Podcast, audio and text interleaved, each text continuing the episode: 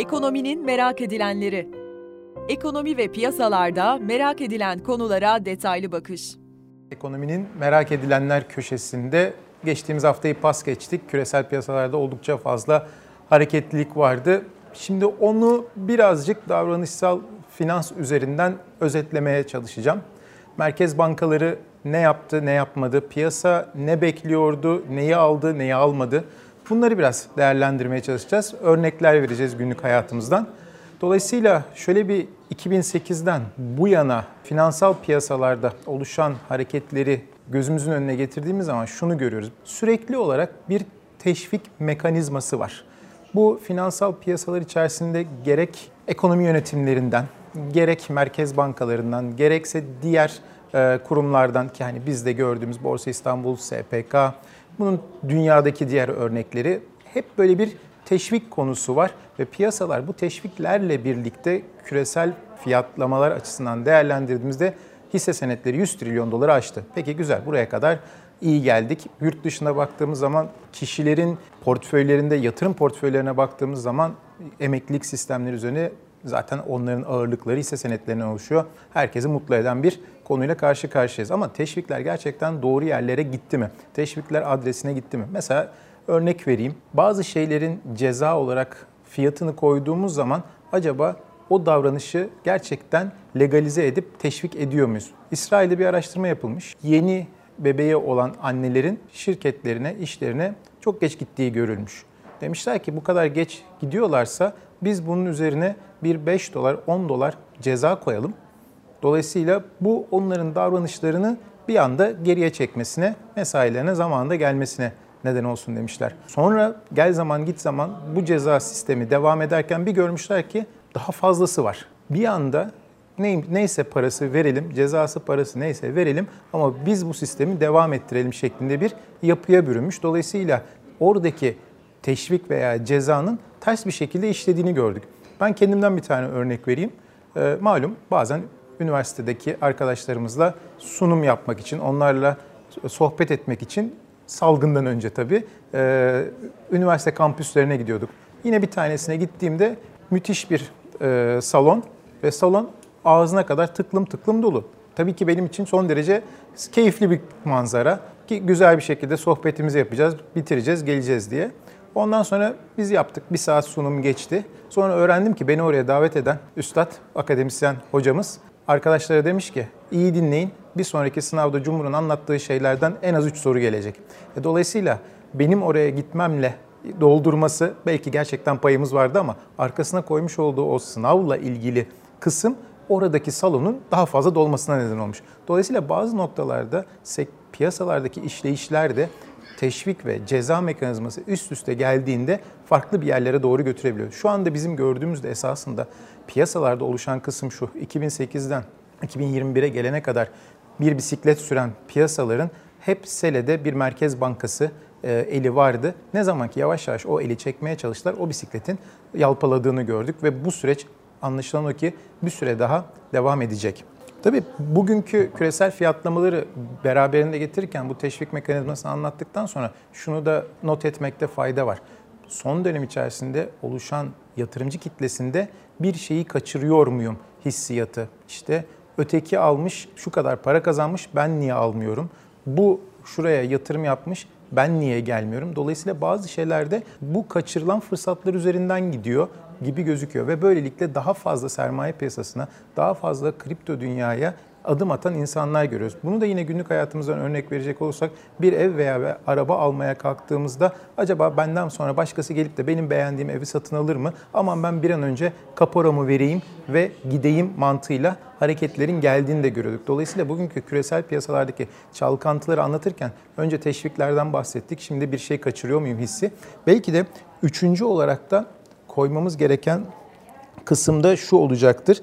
Bir taraftan Türkiye'ye dönelim. Döviz piyasası biraz daldan dala atlıyor. Hafta sonu sohbeti şeklinde gidiyoruz. Döviz piyasasından bahsedelim. Şimdi bizler evet Türkiye'de yaşıyoruz. Kurlardaki artışı, enflasyon ve fiyat artışı olarak geri geliyoruz. Biz bu evin sahibi, sürekli burada yaşıyoruz. Buradaki alım satımlarımız bizi ilgilendiriyor. Ama dışarıdan sadece kiracı gibi yabancı yatırımcıdan, yurt dışı yerleşiklerin döviz piyasasındaki hareketlerini gördüğümüz zaman da onlar bir şekilde burada kısa vadeli nemalanıp daha sonra pozisyonlarını kapattıkları ölçüde de hızlıca çıkabiliyorlar. Dolayısıyla bu eve gerçekten bir ev sahibi olmak için mi geliyorlar, kiracı olmak için mi geliyorlar? Yine bunları da bu davranışsal iktisat içerisinde, e, Flick'un Economics denen kısım içerisinde toparlayıp anlatabiliriz. Tabii işin içerisine bir de internet geldiği zaman yine bu haftanın en çok konuşulan konularından biriydi. İnternetin gelmiş olması bazı maliyetleri sıfıra çekiyor. Dolayısıyla gündem içerisinde gelen yine komisyonların sadece sabit maliyetlerle sınırlı olduğu aracı kurum işlemleri gerçekten mümkün mü? Burada da bu haftada bunlarla ilgili e, konuşmaları, e, paylaşımları gördük.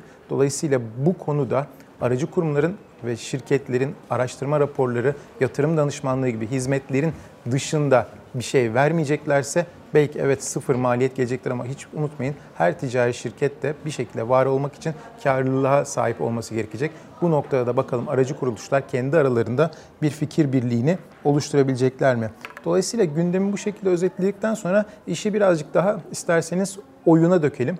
Çünkü burada iki tane şey çıkıyor. Zaten piyasalarda, finansal piyasalarda bilindik bir kural vardır.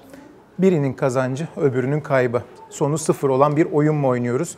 Biri kazanıyorsa öbürü kaybetmeli mi? Şimdi geriye dönüp burada da 1900'lü yılların başına gidiyoruz. John Neumann diye birisi Minimax teoremini çıkartmış ortaya. Tabii böyle söyleyince sizin çok fazla aklınızda bir şey canlanmıyor. Ama bunu istiyorsanız işte küçükken oynadığımız taş kağıt makasa getirelim.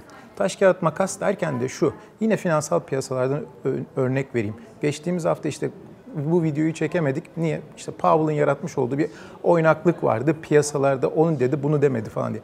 Bundan önceki dönem içerisine baktığımız zaman piyasayla FED karşılıklı olarak geldiğinde sürekli olarak şunu biliyordu. Nasıl olsa karşımdaki Powell sürekli olarak kağıt diyecek. Ben de sürekli olarak makas dersem bu oyunu kazanırım.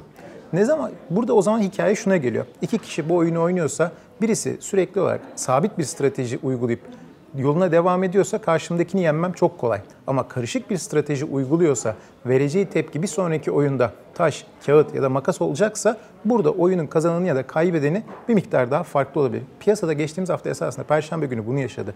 Hep böyle baktığımızda Fed ile ilgili tutum. Nasıl olsa Fed gelip burada bir şey yapar. Nasıl olsa Fed risk iştahını destekleyecek bir açıklama yapar diye bekleyen piyasa biraz hayal kırıklığına uğradı ve biz de hareketlenmelerin peşi sıra geldiğini gördük. Bundan sonrası için acaba önümüzdeki hafta işte e, ayın 17'sinde FED toplantısı var. Acaba bu taş kağıt makas oyununda Powell yine bildik söylemlerine geri dönecek mi? Bunu da merak ediyoruz. Ama işin içerisine sadece işte 3 tane şey var. Taş kağıt makas 3. Benzer yorumlar, benzer şekilde olayları siz de bu videonun altına yorum şeklinde yazabilirsiniz. Ben size bir tane daha örnek vereyim. Penaltı atışları. Şimdi penaltı atışları da nereden çıktı diyebilirsiniz. Orada da dikkat ederseniz bir sağ, bir sol, bir de ortadan gidiyor. Yine 3 tane seçenek var esasında. İşin içerisine girdiğinizde işi biraz istatistiğe döktüm. Mesela 2021 sezonunda bu yaşadığımız sezon içerisinde kaç tane penaltı olmuş? 112 tane penaltı olmuş. Bunların 19 tanesi kaçmış. Bir önceki yıla gidiyorum. 138 tane penaltı, 23 tanesi kaçmış. Hep burada yaklaşık olarak %83'lük penaltının gole dönme olasılığı var. Ama şunu düşünelim, yine finansal piyasalardan örnek vereceğim. Bu bir rakamdan ibaret. Bir penaltı 90. dakikada geliyorsa ve o maçın önemi diğerine göre daha farklıysa, takım şampiyonluğa gidiyorsa, işin içerisine psikolojik faktörler giriyorsa, tıpkı sizin hisse senedi alım satım yaparken kaldırıcınızı düşük veya yüksek tuttuğunuz gibi veya demo hesapta kağıt üzerinde işlem yaparken farklı gerçek hesapta yaptığınız işlemlerde farklı psikolojik duruma havaya hakimseniz durum farklılaşabiliyor. O yüzden de penaltıda kaçabiliyor. Bilmiyorum bu videoyu editleyen arkadaşım Barbaros şu buraya mesela 1994'te Roberto Baggio'nun Brezilya'ya kaçırdığı penaltıyı da koyabilir mi? Çünkü orada hatırlarsanız bak o dönemin ünlü futbolcularından bir tanesi gidiyor Dünya Kupası finali kaçırıyor. Öbür taraftan bir, bir takım öbür takıma Dünya Kupası'nı verebiliyor. Dolayısıyla biraz daldan dal oldu hafta sonu için, izlemeniz için ama şöyle bir değerlendirdiğimiz zaman işin içerisine giren psikolojik faktörleri, teşvik faktörlerini, piyasa katılımcıların içinde bulunduğu haleti ruhiyeyi, kullanmış oldukları kaldıraç, bütün bunları topladığımız zaman esasına baktığımızda hepimiz her gün bir taş kağıt makas oyunu oynuyoruz ve karşımızdakilerin hamlelerini takip etmeye çalışıyoruz. Bilmiyorum artık bu konuyla ilgili merkez bankalar açısından siz hangisini, hangilerini ön plana çıkartırsınız. Yine videonun altına atabilirsiniz. Veya bütün bunları geç Cumhur. Bir en çok en iyi penaltı atan kimdir ne değildir ki bugün Nihat Kahveci bunu kendi Twitter'ında paylaşmış. Güntekin Onay'a bakarsanız Matthew Letizier. Onu da yazabilirsiniz. Dolayısıyla bu haftayı da böyle ekonominin merak edilen köşelerinde biraz işi finans kısmını, biraz psikolojik kısmını özetlemiş olduk.